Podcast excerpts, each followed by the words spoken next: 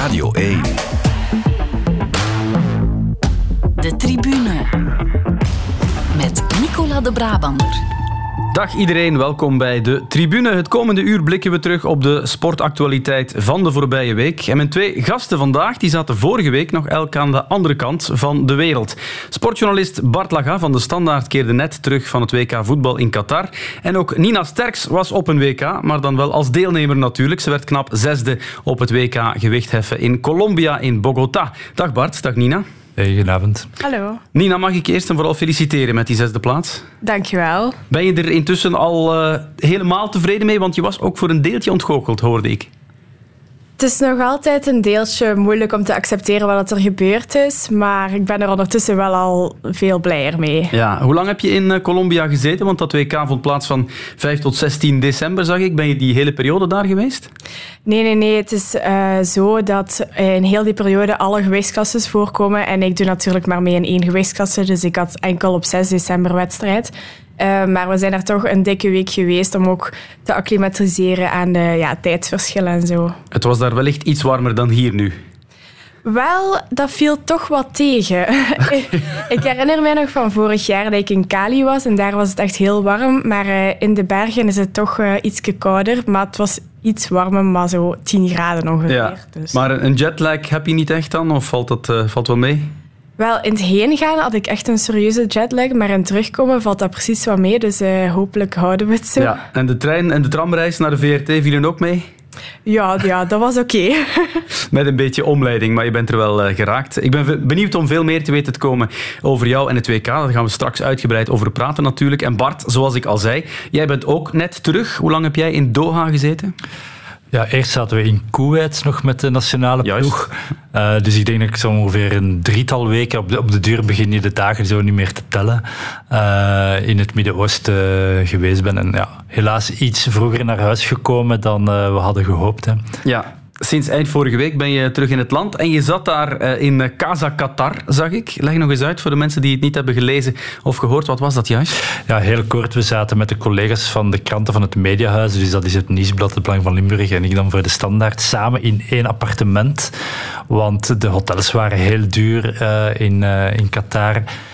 En dat was eigenlijk een goede meevaller, want uh, we hadden allemaal een badkamer voor ons alleen. Dus we hadden onze eigen privacy.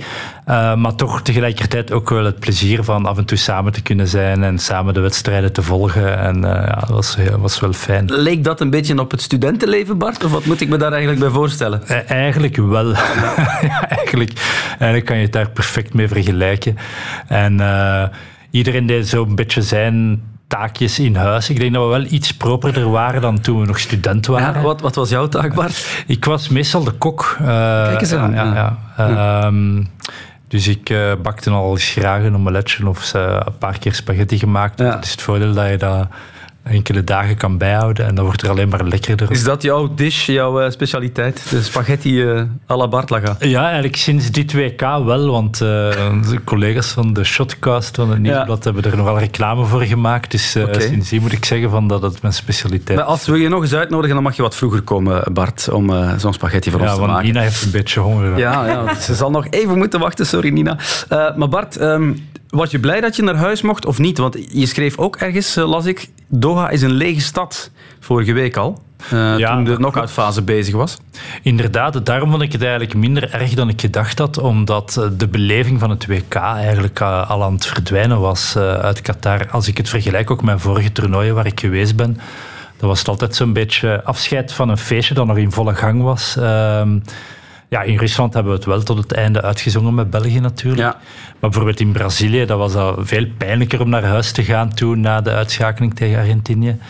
Maar uh, nu was dat niet zo. Uh, eigenlijk uh, waren er nog nauwelijks fans. die waren er wel rond wedstrijden, maar die, die worden dan speciaal ingevlogen en gaan dan direct terug. Maar tussen de wedstrijden door in Doha was er eigenlijk weinig WK-sfeer te merken. Dat, dat viel me wel op. Oké, okay, goed. We gaan toch even ook over het uh, sportieve babbelen, Bart. Want dit is jouw moment van de week. Ik was zo emotioneel. Ik wil bijna gaan huilen. Ongelooflijk. Ik zat dus met mijn ouders. Die waren aan het huilen, want die mensen om ons heen. Wat moet ik zeggen? Laatste vier van de wereld. Laatste vier. Halve finale. Ongelooflijk. Mashallah. Je speelt België naar huis. Je speelt Spanje naar huis. Is dit een droom? Wat is dit? Ja, dit is... Uh, dit, dit, dit, dit, ik weet niet of, of we dit hebben durven dromen. Het is ongelooflijk. Uh, als je ons vandaag ook weer ziet spelen met... Uh, misschien niet eens het beste voetbal, maar gewoon het team spirit. Dat moet je echt uitleggen. Dat, die spirit is echt ongelooflijk. Verdedigen is een kunst. Verdedigen is een kunst. Ja, als je ziet wat ik zeg, hoe wij het hele toernooi ja, eigenlijk nul tegengoals hebben. We hebben één eigen, eigen goal gemaakt.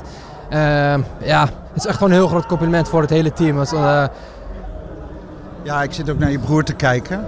Ja, ik ben sprakeloos. Ik heb gewoon kippenvel. Het is ongelooflijk dat je, dat je dit als, ja, als broer van dichtbij kan meemaken. Ongelooflijk. Echt. Mag hier helemaal niet komen, hè?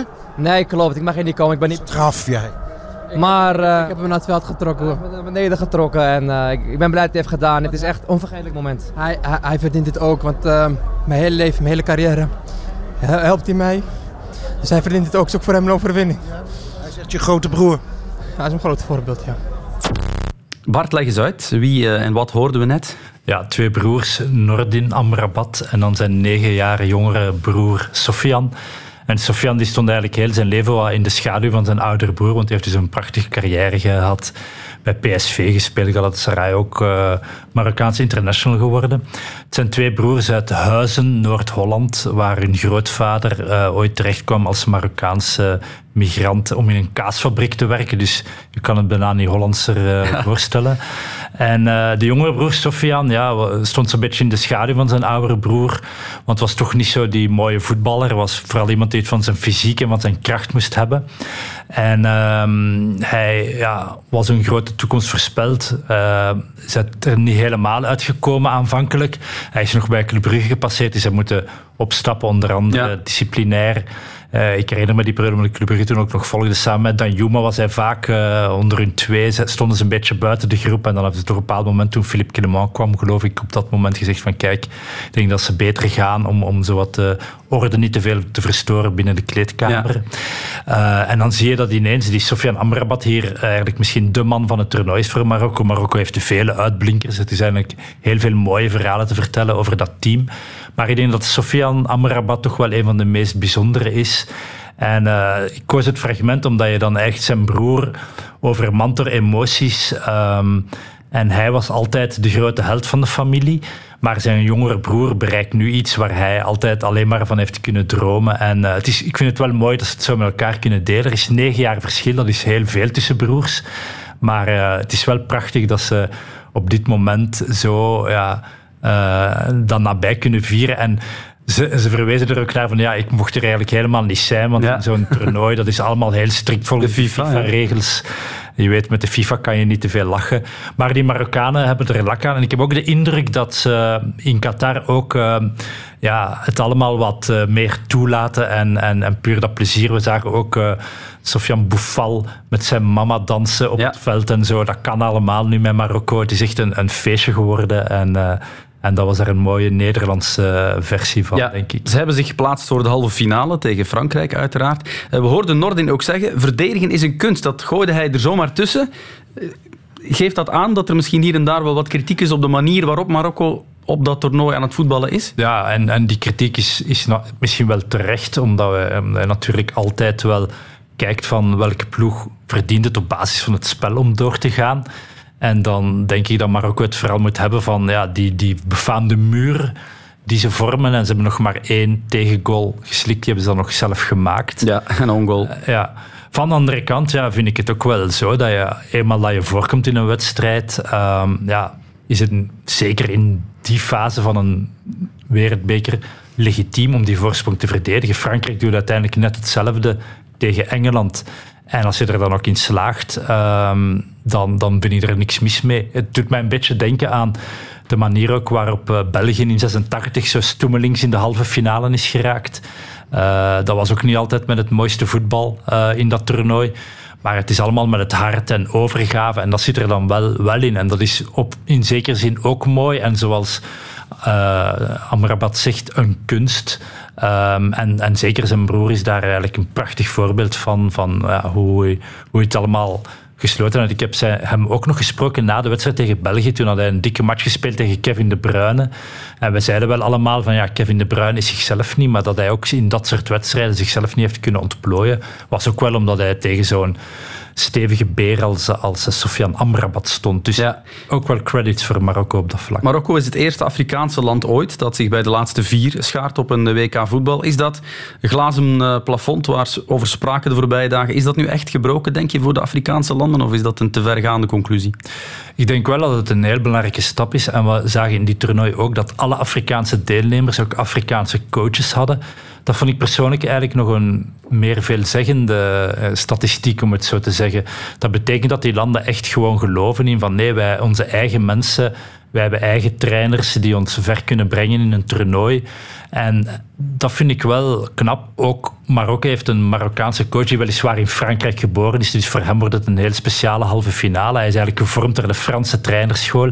En nu gaat hij Frankrijk uit het toernooi proberen te krijgen. Zeker als zij tot de finale zouden gaan. En het is waar, het is natuurlijk een Noord-Afrikaans land dat qua cultuur misschien wat verschilt van andere delen van Afrika. Maar ik was toevallig in Brussel na de gewonnen uh, kwartfinale tegen Portugal. En ik zag heel veel Afrikaanse mensen, ook Senegalezen, Congolezen, die mee op straat kwamen vieren, die mee blij waren voor Marokko. Dus, dus het is toch een overwinning voor het continent het is een overwinning voor het continent. En, uh, en ja, dat is, dat is wel knap om te zien. Ze vertegenwoordigen zowel die Arabische wereld als die Afrikaanse wereld. En denk je dat Marokko Frankrijk in verlegenheid kan brengen? Ik denk dat Frankrijk gaat winnen, maar dat dacht ik dus ook van Portugal tegen Marokko. en uh, ze zijn elkaar wel wat waard, wat soms wat uh, cynisch en, en, uh, en, en berekend spel.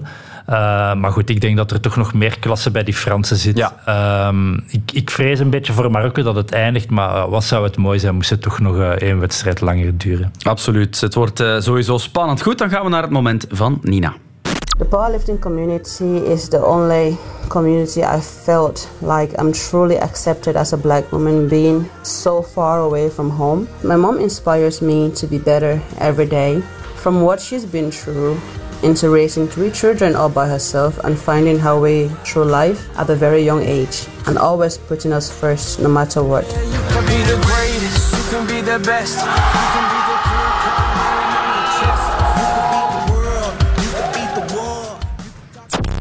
Nina, je gaat ons een beetje moeten helpen. Wie hoorden we?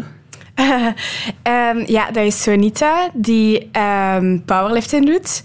En zij is Europees kampioen geworden. En ik vond dat wel een heel mooie prestatie. En daarom vond ik het wel waard om even in de bloemetjes te zetten. Absoluut. Uh, Sonita Moulu, als ik het goed uh, uitspreek. Ik doe mijn best. Een Antwerpse van 26 jaar met Cameroense roots. Hè. En, ja, Europees kampioen, dus powerlifting. In Polen was dat onlangs. is dat een vriendin van jou? Nee, ik ken haar niet persoonlijk, maar het is zo dat gewichtheffen en powerliften in België in dezelfde federatie zitten. Dus ja, we zien elkaar af en toe wel eens passeren. En uh, ja, ik vond het zo'n mooi, moment dat ik dacht van, uh, ja, dat ga ik kiezen. Terecht. Wat is het verschil tussen de sport die jij beoefent, het gewichtheffen, en de sport die zij beoefent, inderdaad, dat powerliften? Wat, wat is, zijn de verschillen? Er zijn redelijk veel verschillen, maar om het gemakkelijk uit te leggen, in het gewichtheffen heb je de snatch en de clean and jerk die op wedstrijd worden uitgevoerd. Voor beide heb je drie pogingen en dan wordt het bij elkaar opgeteld en dan krijg je een totaal. In powerliften heb je drie bewegingen. Je hebt een squat, je hebt een deadlift en je hebt een bench. En je hebt voor elk ook drie pogingen en die worden dan ook opgeteld en dan krijg je opnieuw een totaal.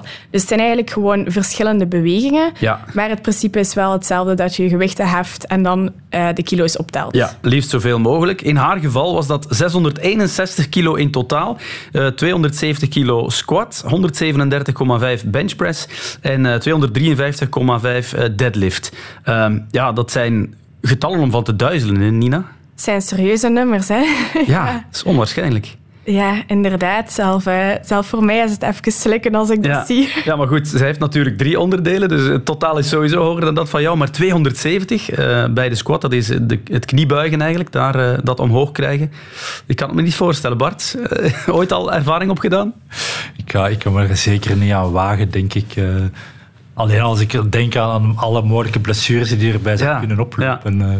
ja. Wat betekent haar prestatie? Hoe hoog mogen we die inschatten als Europees kampioene? Wat kan dit betekenen naar de toekomst? Dat is echt wel heel straf. Zeker, um, ja, wij blijven uiteindelijk maar een klein landje. En als je dan ziet dat iemand ja, die uit een toch nog altijd um, minder bekende sport zo'n prestatie kan leveren, ja, dat is echt heel straf. Uh, en zeker, ja, zoals je zei, ze is nog altijd niet zo oud. Dus ze heeft nog uh, echt wel jaren tijd om uh, beter te worden. Dus ja, dat wordt een mooie toekomst voor haar, denk ik.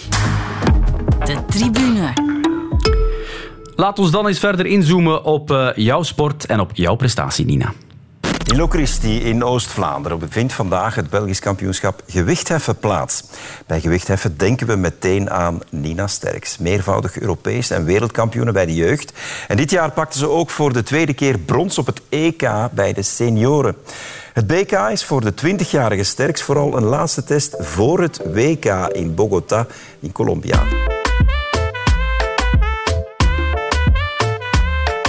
Elke kilo telt echt. Um, de kilo's zijn belangrijker dan de plaatsen. Dus um, ja, dat is waar we op ons, ons op focussen. En uh, ja, hopelijk kunnen we een mooi totaal neerzetten daar.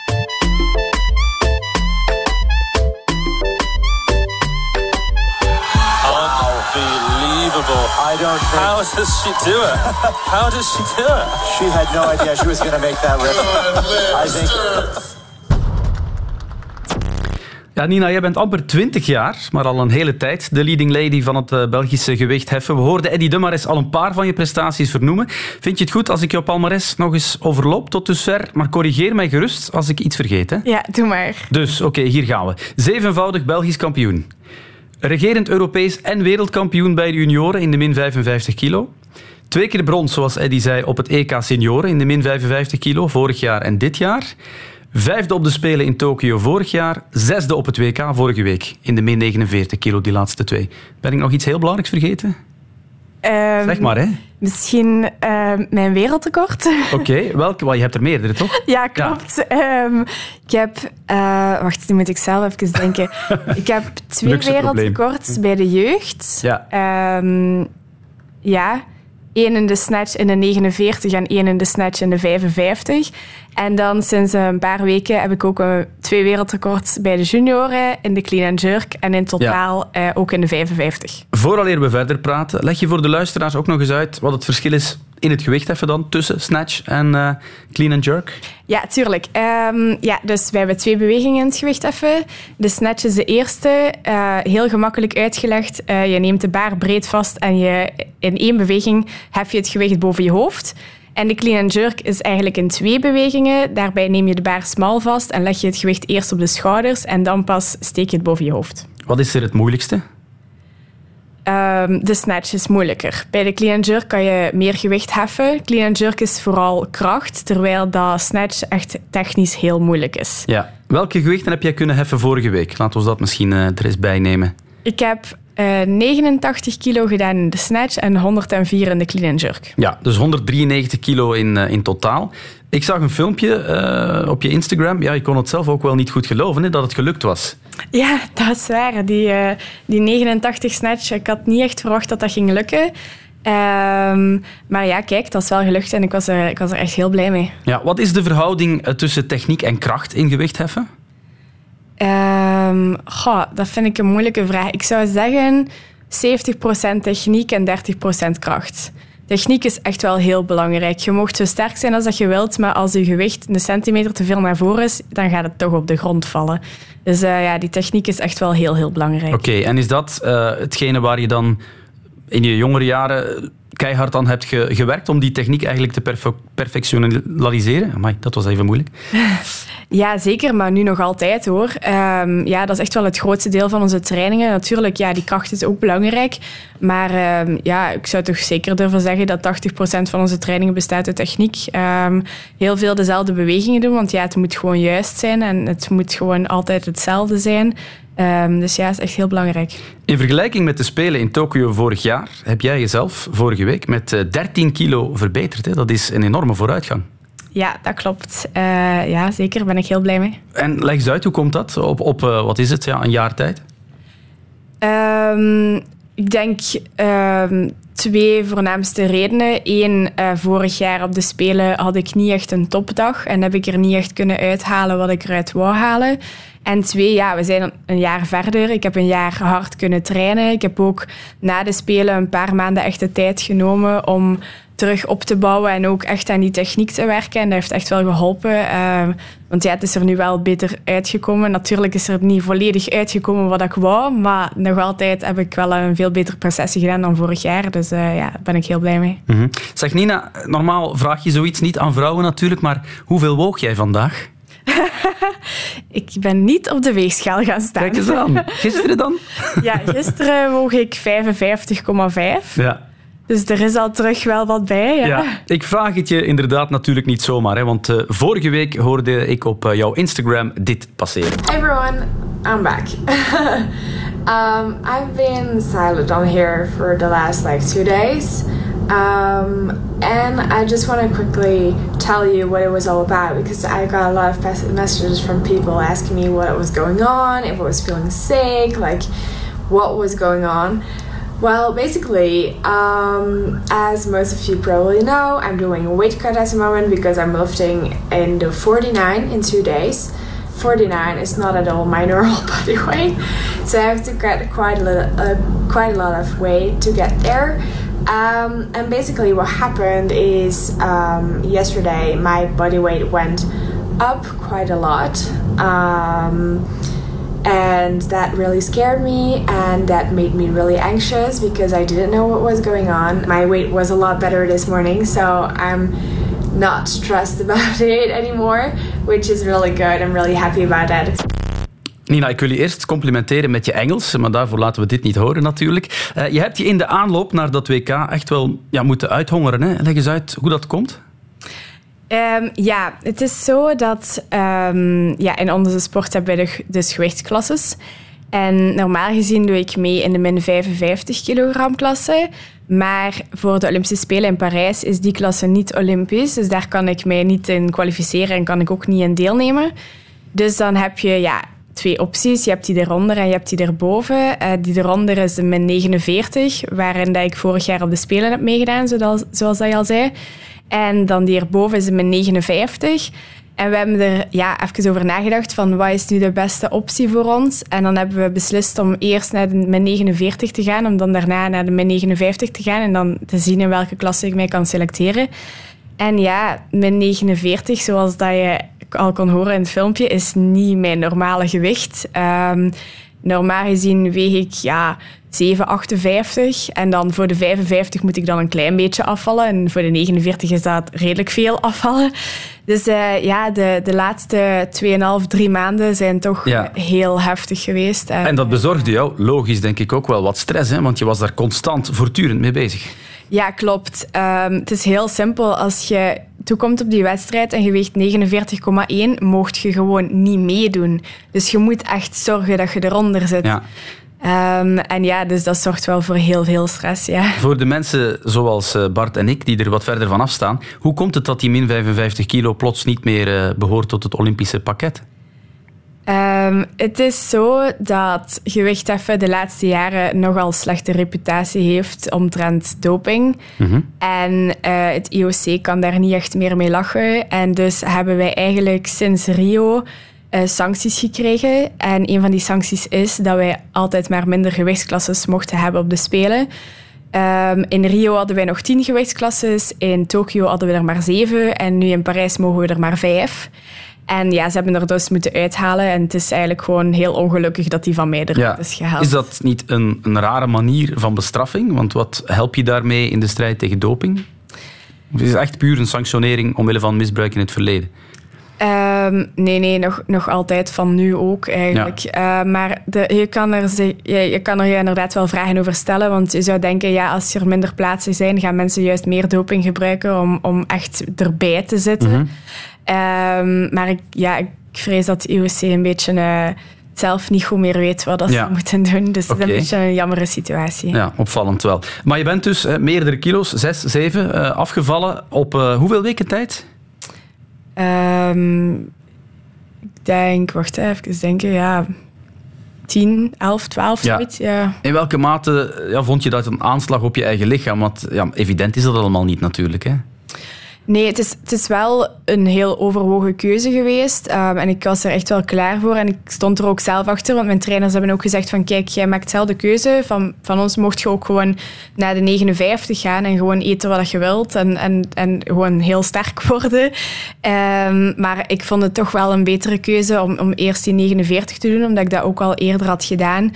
En ik ook wel iets meer die zekerheid had daar uh, in die klasse. Um, en ook, ja, ik ben echt wel heel goed begeleid. Ja. Uh, daaromtrent. Dat heb je ook uh, benadrukt hè, op je social media, dat, dat dit niet aan te raden is voor iemand die niet goed begeleid is. Dat het echt wel tot in de puntjes voorbereid werd. Nee, ja, klopt. Uh, want ik krijg ook altijd heel veel vragen over, ja, wat eet je precies? En hoeveel calorieën eet je? En hoeveel kilo moet je afvallen? En hoeveel weegt je nu? En zo. En ik um, ja, denk daar altijd heel goed over na als ik op zo'n dingen antwoord. En, en eigenlijk ben ik daar nooit specifiek in. Ik gebruik nooit echt cijfers.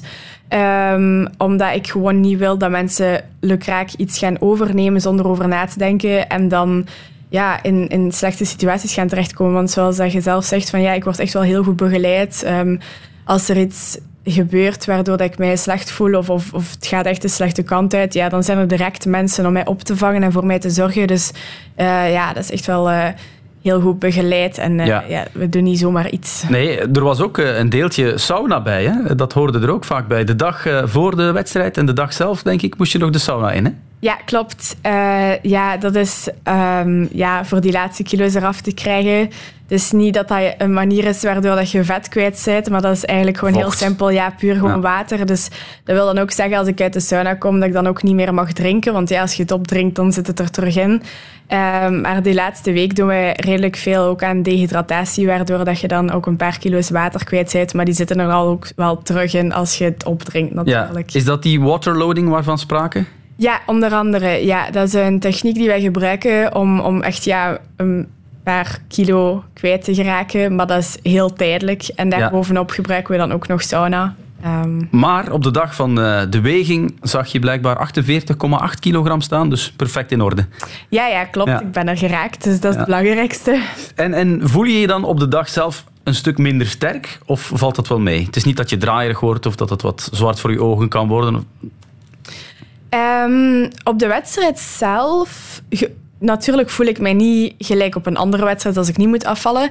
Maar op de wedstrijd zelf valt dat wel mee, omdat je op dat moment wel mag eten en drinken. Het is meer echt de laatste twee weken ervoor dat het heel lastig is om te trainen. Uh, zeker nu, omdat ik moest afvallen in de winter, had ik ook constant koud. En het was ook heel moeilijk om dan echt te trainen, omdat ik dan constant... Ja, onderkoeld zijt. Ja. En, en ja, dat is dan heel moeilijk om jezelf op te warmen. Dus dat is dan echt wel een lastige periode geweest. Bart, dat is toch een strafverhaal, hè? Zie je het uh, de voetballers ja. of eender wie uh, al doen? Je moet, je moet uh, met heel wat zaken rekening houden, hè? Ja, ik denk gelijk wie die nu Nina bezig wordt, die denkt, ja, god, allee, als je ziet hoe koud het nu buiten is, stel dat je de dat moet toen jezelf uithongeren bij dit weer. Dat moet gewoon verschrikkelijk zijn. Ja. Niet kunnen drinken na een sauna bijvoorbeeld. Uh, en constant op, met dat gewicht bezig zijn. En zoals ze zegt, het moment dat je 100 gram te veel weegt, dan is het gewoon gedaan. Dus ja, dat is keihard. Die stress. Ja.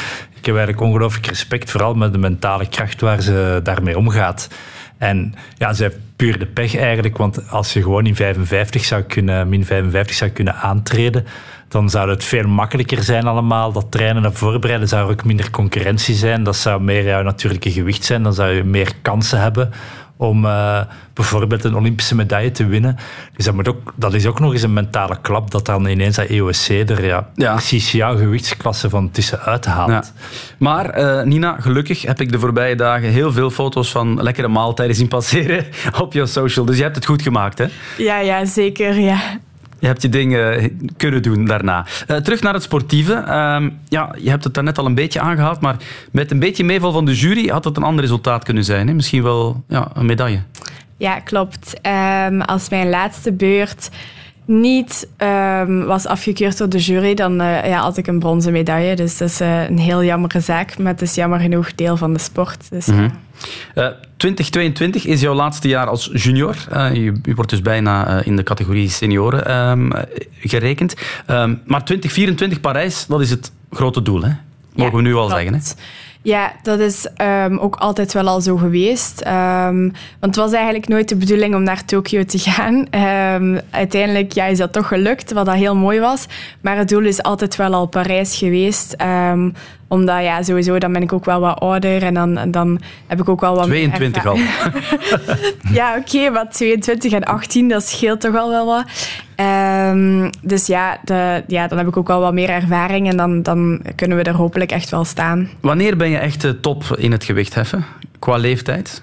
Valt daar een getal op te plakken? Meestal eind de 20. Dus ik heb wel nog wat jaren. Ja. Uh, ja, met de meeste van mijn concurrenten zijn denk ik tussen de 27 en de 32. Ja. Oké, wanneer ben jij er eigenlijk echt aan begonnen? Want uh, je vertelde ons daarnet voor de uitzending dat je hier heel lang geleden alles te gast was in de zevende dag. Ik, ik heb het jaartal uh, niet teruggevonden of zo, maar je bent heel vroeg gestart, hè? Uh, ja, heel, ja, ik was uh, 13. Ja, um... Want zeven keer Belgisch kampioen. Wanneer was dan je eerste Belgische titel? Moeten we even rekenen? Um, ja, ik denk... 2015? 2015 of 2016, ja, zoiets. Ja, ja. Um, ja, dus ik doe wel al een paar jaar mee. Maar ja, ik heb nog altijd wel veel tijd, denk ik, om uh, beter te worden. Ja, en welk deel van je leven neemt dat gewicht even nu in? Ben je daar quasi fulltime mee bezig? Ja, toch wel. Um, dat is echt wel een heel groot deel. Um, op zich, ja, ik moet natuurlijk veel trainen, maar dat valt op zich nog mee. Maar er zijn ook heel veel dingen die er rondkomen. Um, ja, zeker als je dan zo een periode moet afvallen, dan zijn er echt wel heel veel dingen die erbij komen. En ook gewoon, ja, je hebt gewoon puur de energie niet om met andere dingen bezig te zijn. Maar uh, ja, naast trainen is natuurlijk recuperatie ook belangrijk. Ik moet zorgen dat ik uh, goed eet, goed slaap, uh, naar de kine gaan, naar de dokter gaan, voor mezelf ja. laten zorgen. Al die dingen zijn heel belangrijk en ja. neemt ook tijd in natuurlijk. Mm -hmm. Topsporter en dat al een paar jaar, hè, Nina. vorig jaar in december werd gewichtheffen in Vlaanderen erkend als topsport. Uh, staat nu op de erkende lijst van de sporttakken uh, bij de Sportfederatie. Uh, dat was zonder jou wellicht ook niet gebeurd. Mogen we dat zeggen? Goh, dat heb ik vorig jaar ook wel gehoord. Dat er veel mensen zeiden van ja, uw prestatie op de Spelen heeft daar zeker wel toe bijgedragen. Um, en um, ja, ik ben daar gewoon blij mee dat, dat dat eigenlijk gewoon zo is gekomen. En dat gewichtheffen nu wel erkend is als topsport. Of dat dat nu van mij afhangt of niet. Gewoon in het algemeen vind ik dat een, uh, ja, een goede zet. Uh, dus uh, daar ben ik blij mee. Dan moet er natuurlijk wel opvolging zijn, ook naar de toekomst toe. Jij bent nog jong, maar denk je dat je met je voorbeeldfunctie dat er veel jongeren zijn, zie je dat, die er ook aan beginnen, aan die sport? Ja, echt wel veel meer dan vroeger. dat is echt wel een heel groot verschil. Um, sowieso in het algemeen veel meer mensen die gewicht even doen. Maakt niet uit welke leeftijd, maar ook wel echt veel meer jongeren. Vroeger, toen ik begonnen was, ja, was er echt niemand van mijn leeftijd. Uh, en nu zijn er toch wel echt al meer ja, meisjes en jongens die eraan beginnen. Ook wel een beetje um, door de crossfit um, vanuit ja. die hoek. Uh, maar het is heel mooi om te zien dat er uh, ja, jongeren zijn die er plezier uit halen en die beter kunnen worden. En uh, ja, het is heel mooi om te zien. Hoe ben jij er ooit aan begonnen? Door wie of door wat? Ja, het is eigenlijk heel toevallig. Ik heb altijd geturnd en um, ik ging in de zomer eigenlijk altijd op turnkamp. En ja, heel toevallig een keer uh, een andere activiteit gedaan. En we mochten naar een, naar een, ja, een fitnesszaal gaan, eigenlijk in het gebouw. En daar stonden allemaal van die toestellen. Uh, ja, je weet wel, van die fitnesstoestellen. Um, maar ja, daar, daar hadden wij niet echt veel zin in om daarmee bezig te houden. Um, en er was ook een trainer en dat was echt een gewichtheftrainer. Maar op dat moment ja, ik had echt geen idee wat dat gewicht even was. Um, en die vroeg, ja, zijn er wat meisjes die wat oefeningen willen proberen? Ja, en, wij dachten, ja, dat is leuker dan die toestellen. We gaan dat maar proberen, zeker. En ja, dat waren eigenlijk oefeningen om te zien of dat iemand aanleg heeft voor gewichtheffen.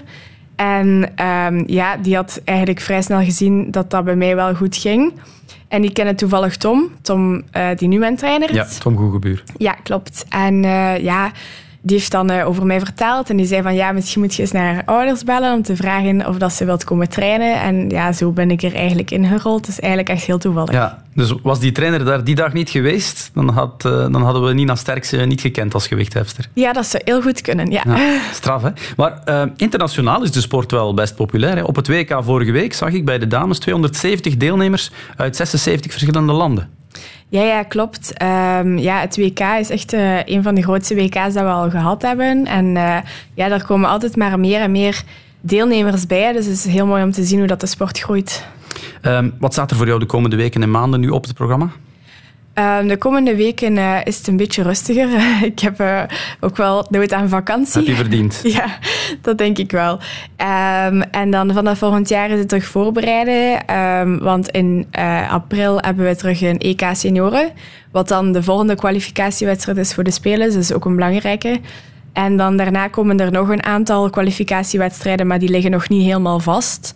Um, dus ja, dat is een beetje afwachten. Ja. Maar het EK is dus het eerstvolgende. Want was hij met die zesde plaats nu al geplaatst voor uh, Parijs, of niet?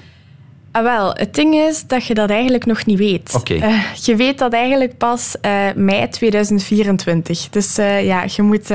ook dat is nog mentaal Afwachten, weer lastig. Ja. ja. Oké, maar toch in elk geval heel erg bedankt Nina, want dat was super boeiend. Dank je. Radio 1. De tribune. Op het WK voetbal in Qatar staan dinsdag en woensdag de halve finales op het programma. Vier jaar geleden in Rusland waren de Rode Duivels er in die fase van het toernooi nog bij. Dit jaar helaas niet. Nog één nee, kans. Nee, doet het niet meer. Hey, oh, hij fluit af. Nee, hij fluit af. We moeten blijven verder spelen. Het is over en out voor de Belgen.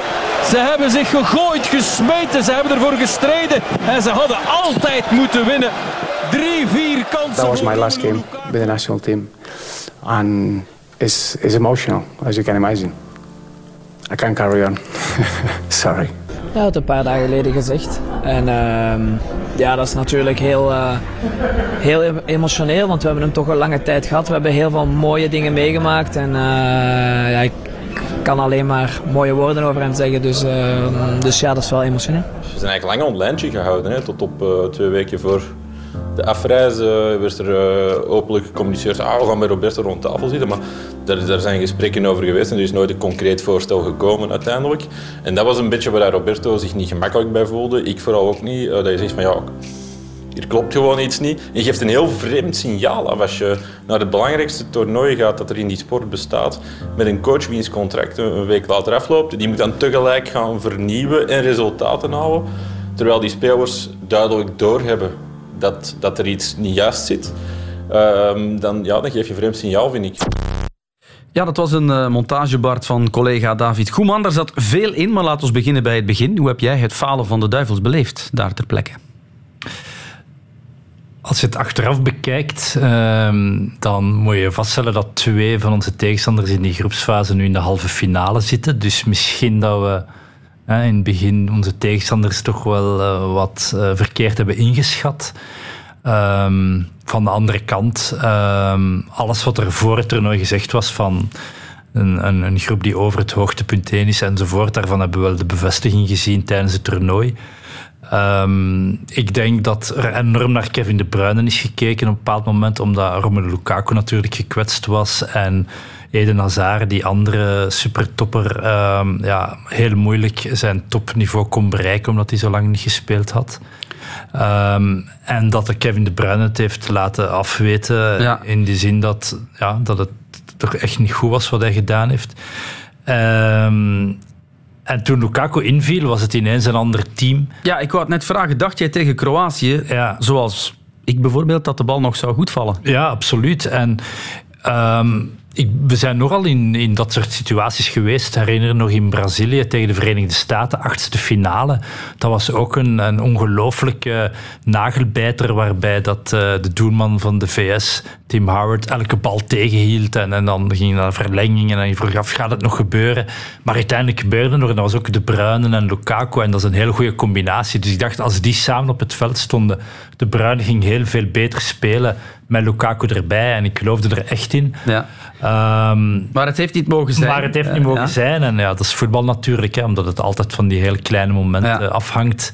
Um, dat zag je ook in die frustraties nu in die, in die kwartfinales. Uh, uh, met Nederland, met, met Engeland, hoe dat allemaal van details afhangt. En dat was uiteindelijk ook zo met een, een match tussen België en Kroatië. Ik denk dat dat nog altijd twee teams zijn die elkaar wel waard zijn. En Kroatië staat nu opnieuw in de halve finale en België is naar huis. Nina, supporter jij voor de Rode Duivels als je, als je tijd hebt? Of lig je niet wakker van het voetbal en het WK? Je mag eerlijk zijn hoor.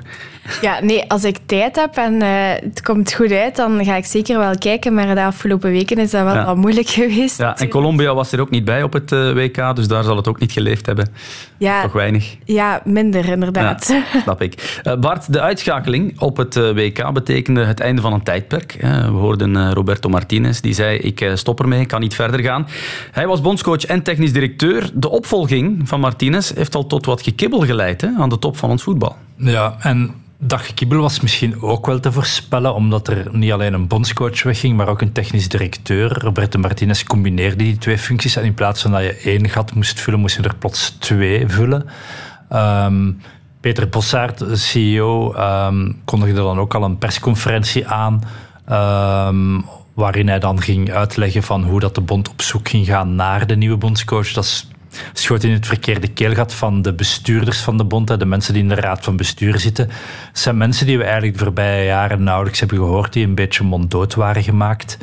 Maar die nu zeiden van kijk, hoi, wij willen hier wel onze rol spelen en het management toch ja, konden we wel eens een, een deftige evaluatie te horen krijgen van wat is er eigenlijk fout gelopen.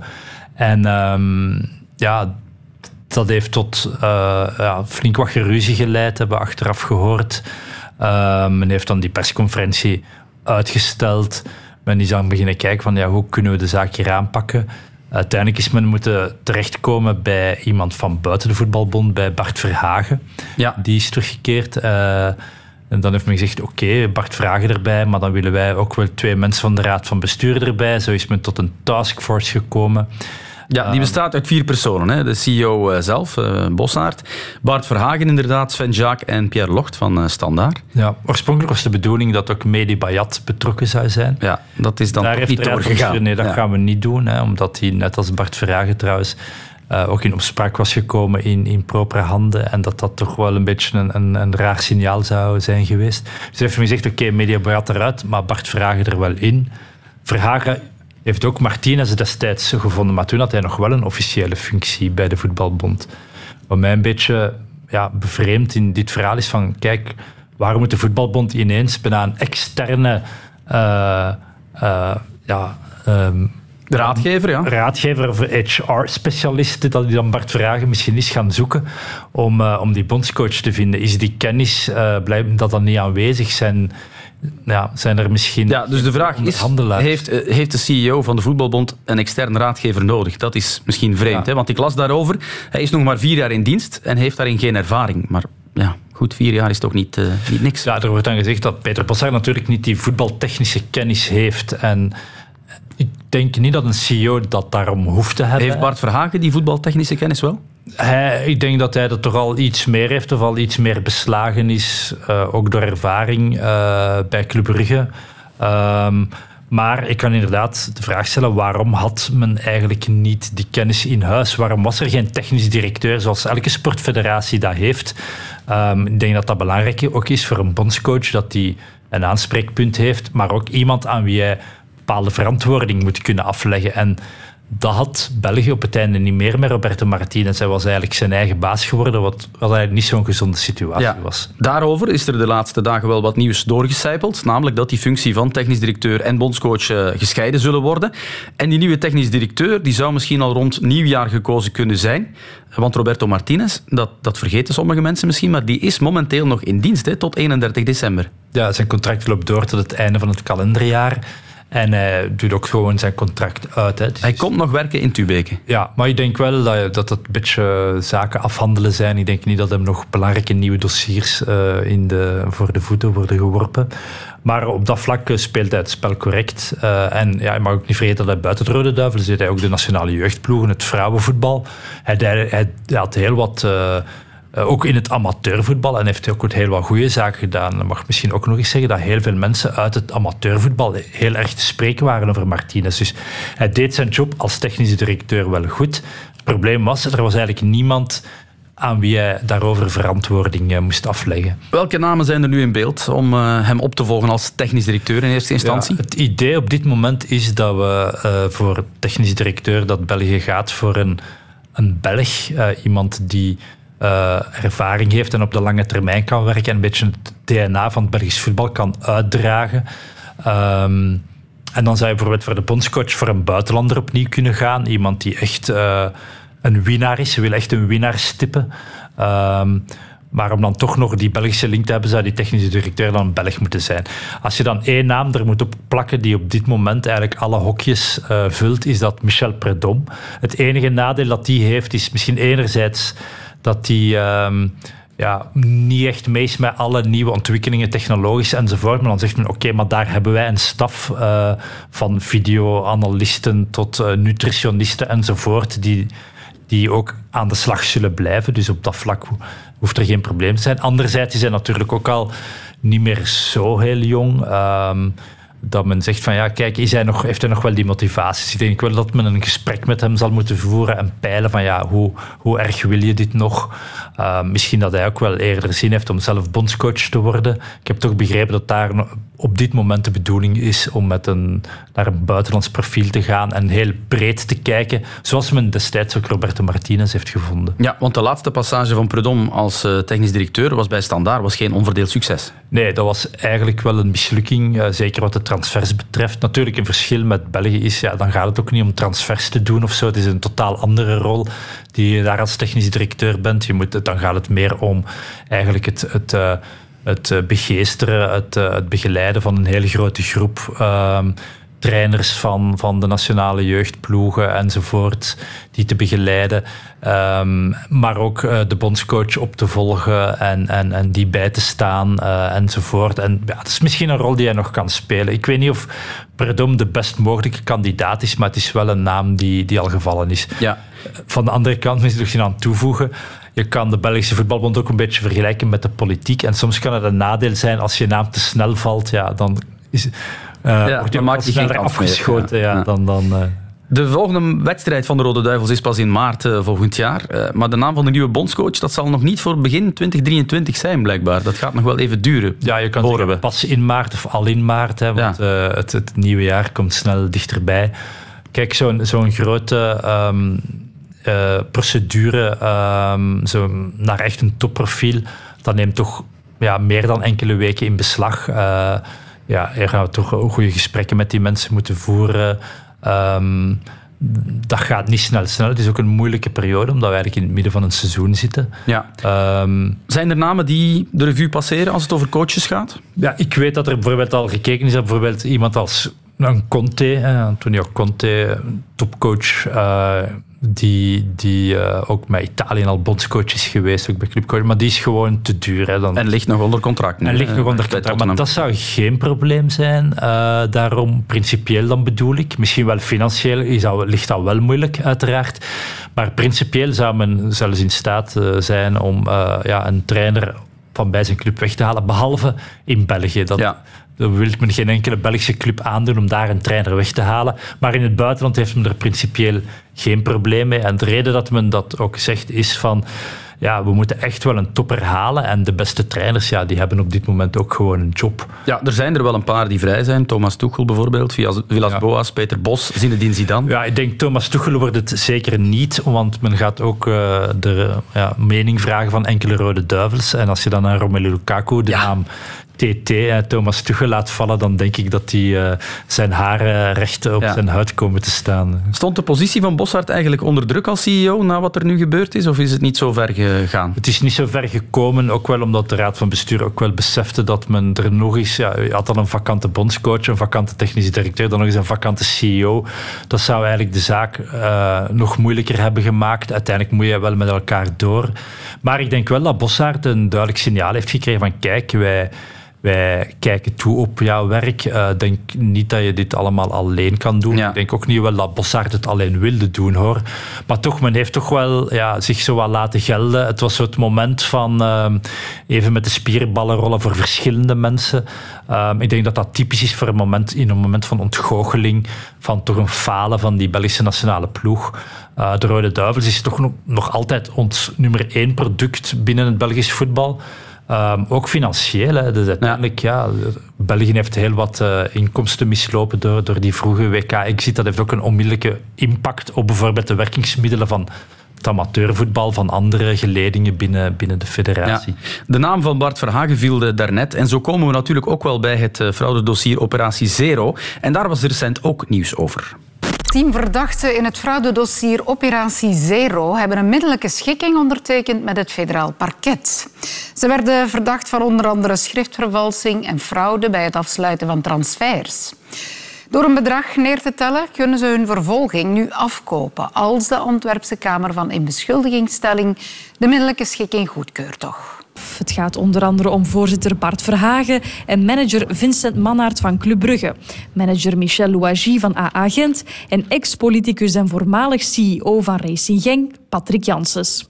Zij gaan absoluut niet akkoord met de inhoud van het dossier. Het is ook geen schuldbekentenis, maar om opportuniteitsredenen kiezen zij ervoor om inderdaad een middelijke schikking in overweging te nemen. En dat is de reden.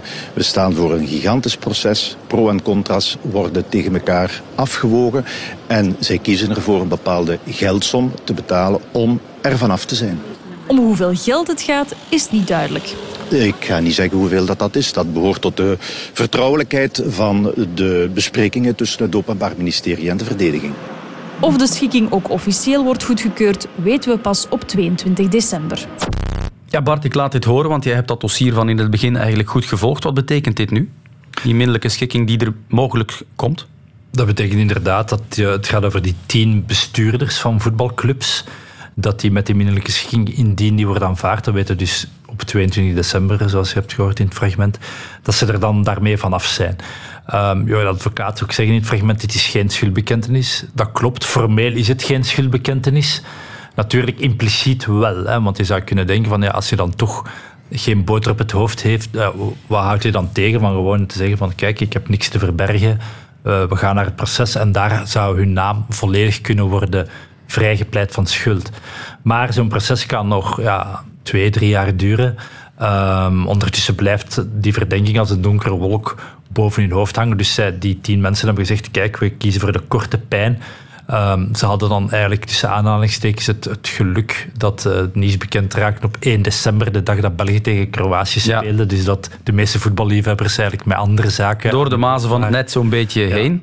Um, was puur toeval, voor alle duidelijkheid. Maar goed, die tien mensen uh, zouden die middelijke schikking ook niet aangeboden... Die hebben zelf om gevraagd, maar het parket zou ook niet akkoord zijn gegaan als dat de meest, uh, als dat de belangrijkste namen uit het dossier waren geweest. Hè. Ik denk dat enkele anderen die het zouden gevraagd hebben, het waarschijnlijk niet hadden gekregen. Ja, zoals een uh, Moji Bayat. Uh, ja, bijvoorbeeld. Ja. Of de bestuurders die echt met uh, corruptie bezig of matchfixing. ik denk dat dat moeilijker was geweest.